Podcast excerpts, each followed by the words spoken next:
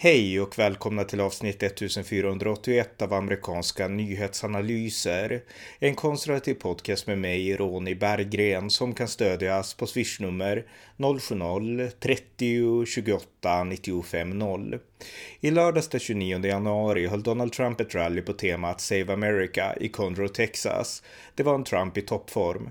This is a big crowd. You set an all-time record. This is a big crowd. I wish the press just one time would turn those cameras around. They go back. Football fields back. Thank you. I wish they'd turn. Look at all the media. Look at all the fake news we have. Fake news. Ah, they ought to turn those cameras back just one time. You know, they don't do that. They don't want to show the kind of crowds we get. Because our country is angry and our country wants to be respected again. Hello, Texas. It's great to be back in this wonderful, beautiful state with thousands of proud American patriots who believe in family and freedom, God and country, and by the way, oil and guns. Unlike the Democrats, nine months from now, the people of this state are going to send a thundering message to the radical left Democrats in Washington, D.C. You're going to tell them don't mess with Texas because Texas is never, ever turning blue. That is, unless they rig the election like they've been doing in numerous other states. And governor, the governor's here, your great governor's here. Don't let them do it, governor. We had a great big victory in the state of Texas. Just be careful with these people, they're treacherous. We're here tonight for a simple reason because together we have to save America. There's never been a time like this. There's never been a time. What Joe Biden and the Pelosi Schumer Congress have done to our country in just one year is a travesty of the highest order. Inflation is skyrocketing, gas prices are soaring, supply chains are crumbling. Can you believe what's happening? You can't get anything. The shelves are empty.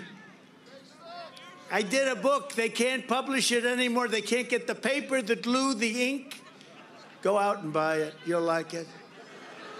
Murders are surging. Illegal aliens are pouring in by the millions and millions. China is threatening Taiwan. Iran is on the cusp of a nuclear bomb. Russia may take over Ukraine.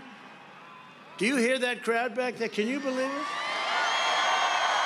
it?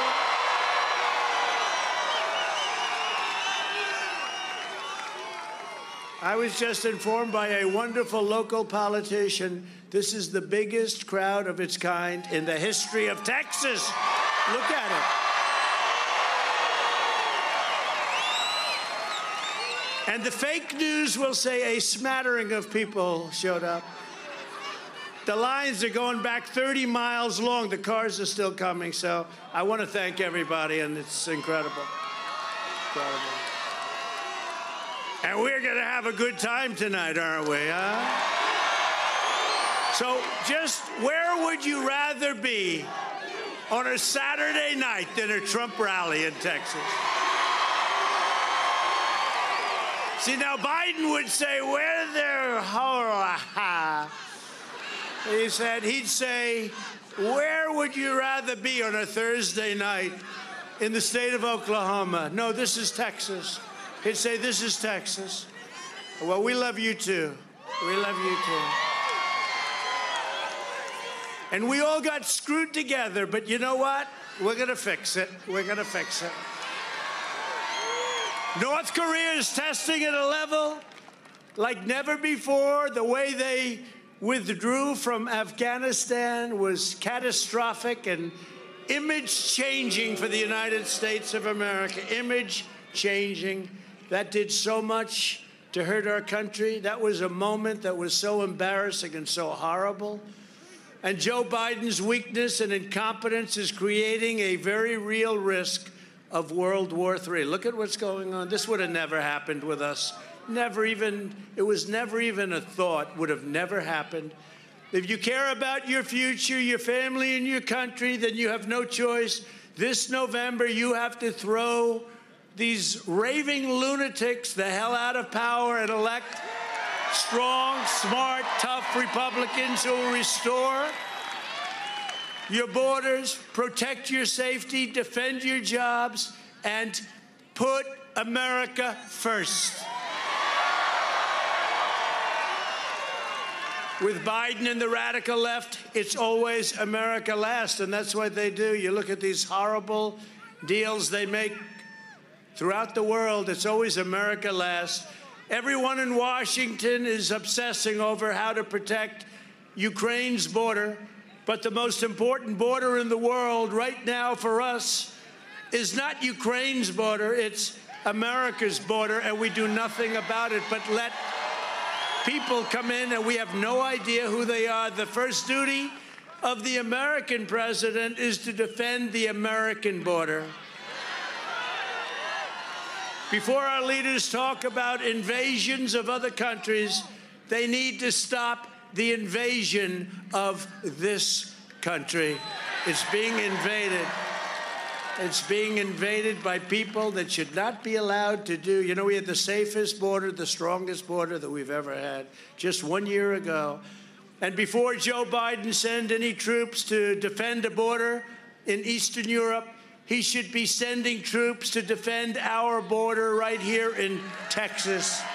Här analyserar jag Trumps tal inför mellanårsvalen 2022 såväl som presidentvalet 2024. Varmt välkomna!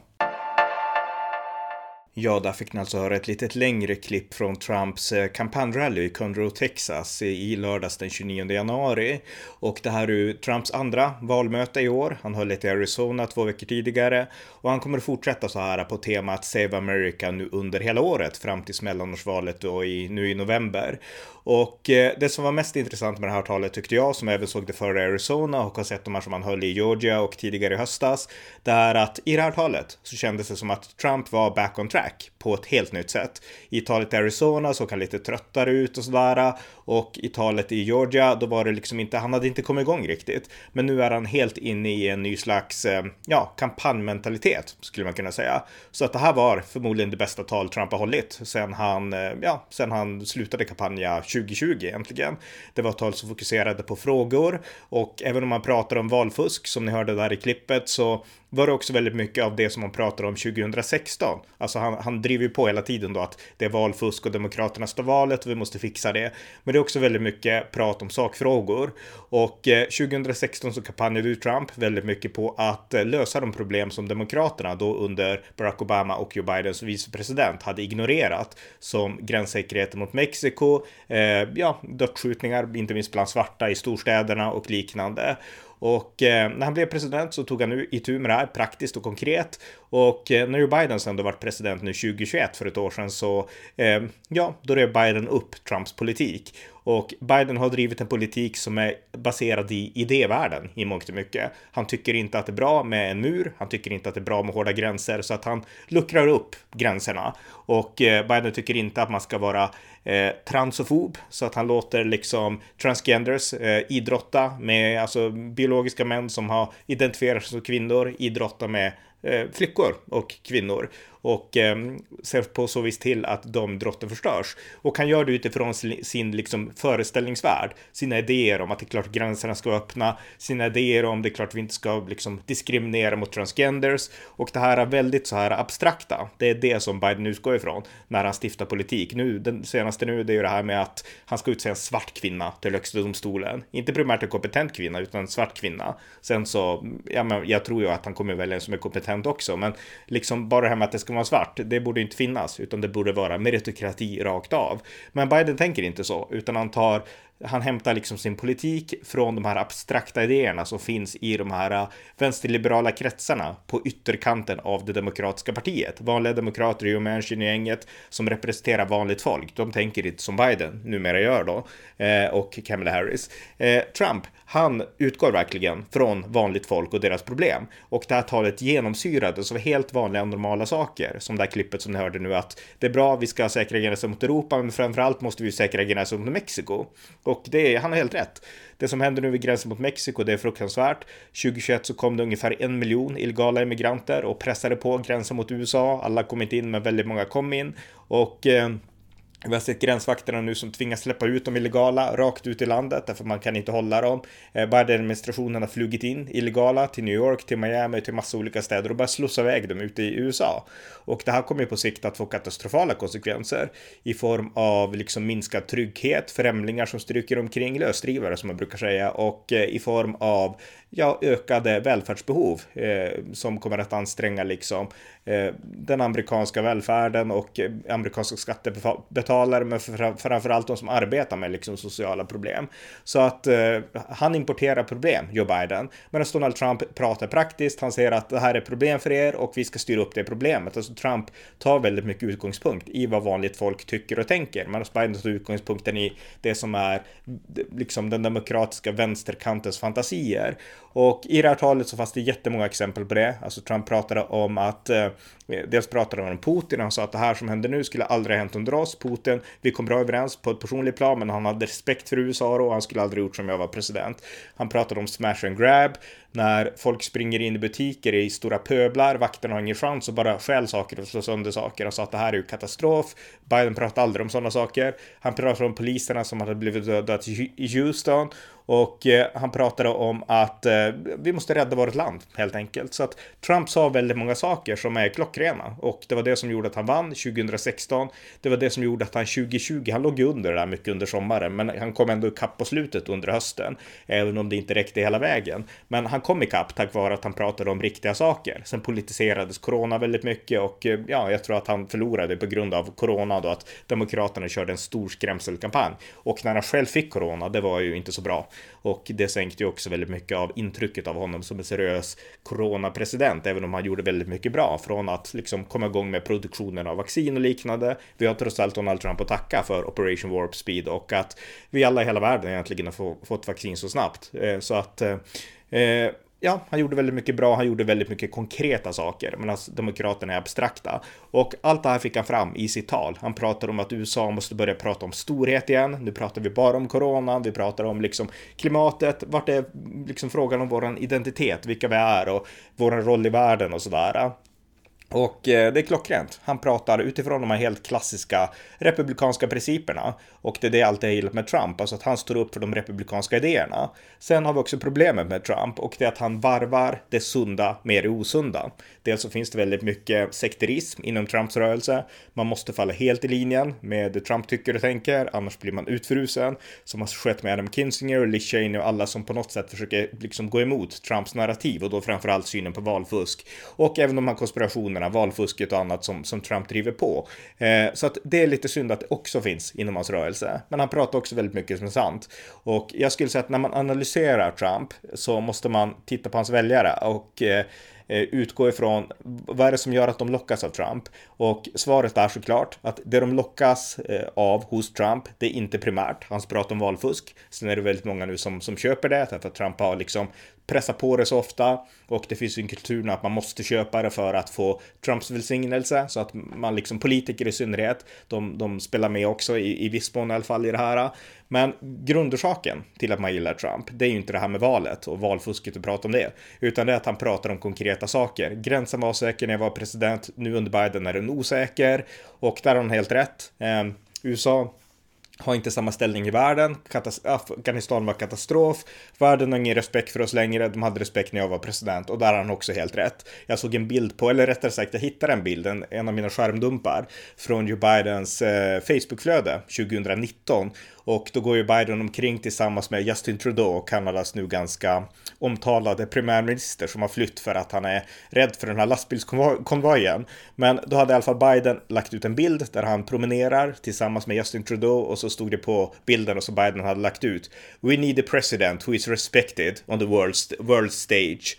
Alltså vi behöver en president som är respekterad på världsarenan och så en bild tillsammans med honom och Justin Trudeau. Och jag menar, eh, en sån som Biden, han kanske blir, jag vet inte om han blir respekterad, men han är väl omtyckt av vänsterliberala politiker. Definitivt här i västra Europa och i Kanada och säkert några andra länder också. Men den här riktiga respekten i världen, den får man ju när man visar styrka. Som Ronald Reagan gjorde, som George W. Bush gjorde och som Donald Trump gjorde. Putin respekterade alla republikanska presidenter ska sägas. Och eh, respekten har funnits i Asien, den har funnits i Afrika, den har funnits överallt egentligen. För att republikaner utgår från principer och säger att det här är våran linje och ni måste förhålla er till det här.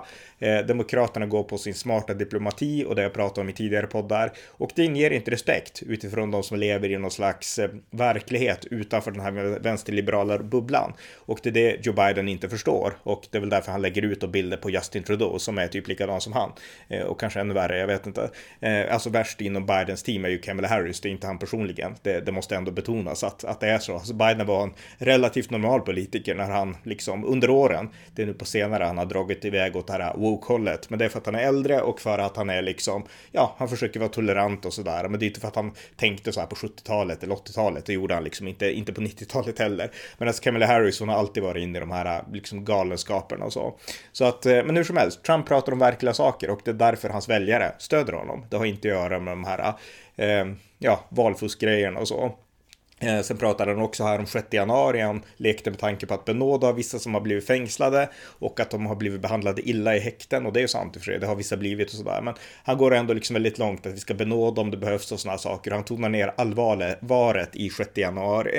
Eh, men han säger också väldigt liksom, viktiga saker. Han pratar om att media har enorma problem och eh, vi måste få fungerande medien och USA måste börja prata om storhet och liknande och så måste vi ta tillbaka Vita huset, förklarade han. Och eh, det har ju spekulerats mycket, kommer Donald Trump att ställa upp igen? Jag tror att han kommer att göra det och det här kampanjrallyt liksom indikerade att, att han kommer att göra det för att han, han gjorde sådana utspel att vi måste ta tillbaka Vita huset. Han gjorde utspel i den riktningen så att jag tror att eh, ja, kanske i slutet av det här året att Trump kommer att pålysa en ny kandidatur. Vem vet, efter mellanårsvalen någon gång.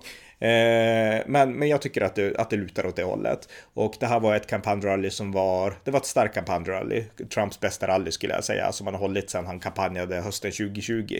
Så att ett riktigt starkt eh, Trump-rally då. Och kommer Trump i sådana fall ha en chans om han ställer upp igen mot, eh, ja, mot förmodligen mot Joe Biden. Joe Biden har ju sagt att han vill ställa upp igen. Och vill han det så kommer det att krävas ett demokratiskt primärval för att någon ska kunna utmana honom. Och det är inte lätt att besegra en sittande president inom sitt eget parti. Det skulle vara om någon höjdare som Hillary Clinton eller sådär försöker. Men, men eh, vill Biden ställa upp igen så tror jag att chanserna är stora att, att han behåller liksom sin nominering och då i sådana fall kommer att möta eh, förmodligen då Trump i en matchup om Trump ställer upp då och vinner sitt primärval. Eh, och sen är det frågan likadant där, kommer någon republikan att ens våga försöka utmana Trump? Det, det är inte säkert det heller då, även om jag hoppas det personligen. Men eh, Ja, så ser, så ser situationen ut. Och skulle i sådana fall Trump kunna vinna över Joe Biden? Eh, mitt svar är ja, jag tror det. Av den enkla anledningen, det som Trump var inne på, att eh, Biden har misslyckats med egentligen det mesta. Och eh, allt som Trump varnade för 2020 som skulle kunna ske om Biden blev president, det har skett. Gränserna har luckrats upp, precis som Trump varnade för. Och väldigt mycket har blivit en katastrof. Our country is going to hell, pratar Trump om igen då i det här talet också. Och där har han ju rätt. Sen så varvar Trump liksom det här uh, going to hell med liksom konkreta saker som att gränsen inte funkar med att liksom vi har valsystem som är tredje världen land. Så han blandar liksom sanning med osanning här. Men, men liksom att landet är på väg åt fel håll, det, det tror jag att väldigt många amerikaner, den synen delas av många amerikaner. Det kan vi se i opinionsmätningarna och i stödet, eller det bristande stödet för Biden då. Så att Trump skulle definitivt ha en chans eh, 2024 i en matchup mot Biden eh, på grund av att folk, ja, Biden har absolut inte samma stöd som han hade 2020. Det finns inte chans att han har det. Då hoppades man att det skulle bli något bättre än Trump-åren och eh, det här dåliga med Trump-åren, dels var det ju liksom en demokratisk nidbild som hade målats upp, en illusion en negativ illusion som var felaktig. Ehm, men därtill så har ju Biden också visat att eh, inget vart bättre när han blev president, utan saker blev snarare sämre. Alltså han har ingen finkänslighet alls, han fattar inte vad vanligt folk tänker och tycker, utan han har blivit helt en fånge i den här vänsterextrema liberala bubblan lite grann. Så att eh, Trump skulle ha stora chanser där. Och sen finns det ju faktorer också som låg till grund för att det gick så dåligt för Trump eh, 2020. Eh, och då menar jag inte valfusk, utan jag menar saker som att media inte rapporterade om korruptionen inom Biden-familjen. Hunter Biden, där gjorde ju ganska många tidningar och sociala medier en hel del av att tona ner allt det här med Hunter Bidens laptop och alla problem som fanns kopplingar till Kina och sånt. Det kommer inte att tonas ner igen, utan nu har ju det här efter valet diskuterats brett, alltså inte bara på Fox och på Breitbart, utan i vanlig mainstream media i USA. Så att det här är saker som kommer att kunna använda 2024 igen mot Joe Biden och då inte tonas ner tror jag. Och eh, så att det finns många faktorer som talar för att Biden skulle vara mycket svagare 2024 trots att han är en sittande president och att Trump skulle vara starkare. Och då kanske inte bara på eget bevåg, därför att jag tror att Trump har skrämt bort många mittenväljare.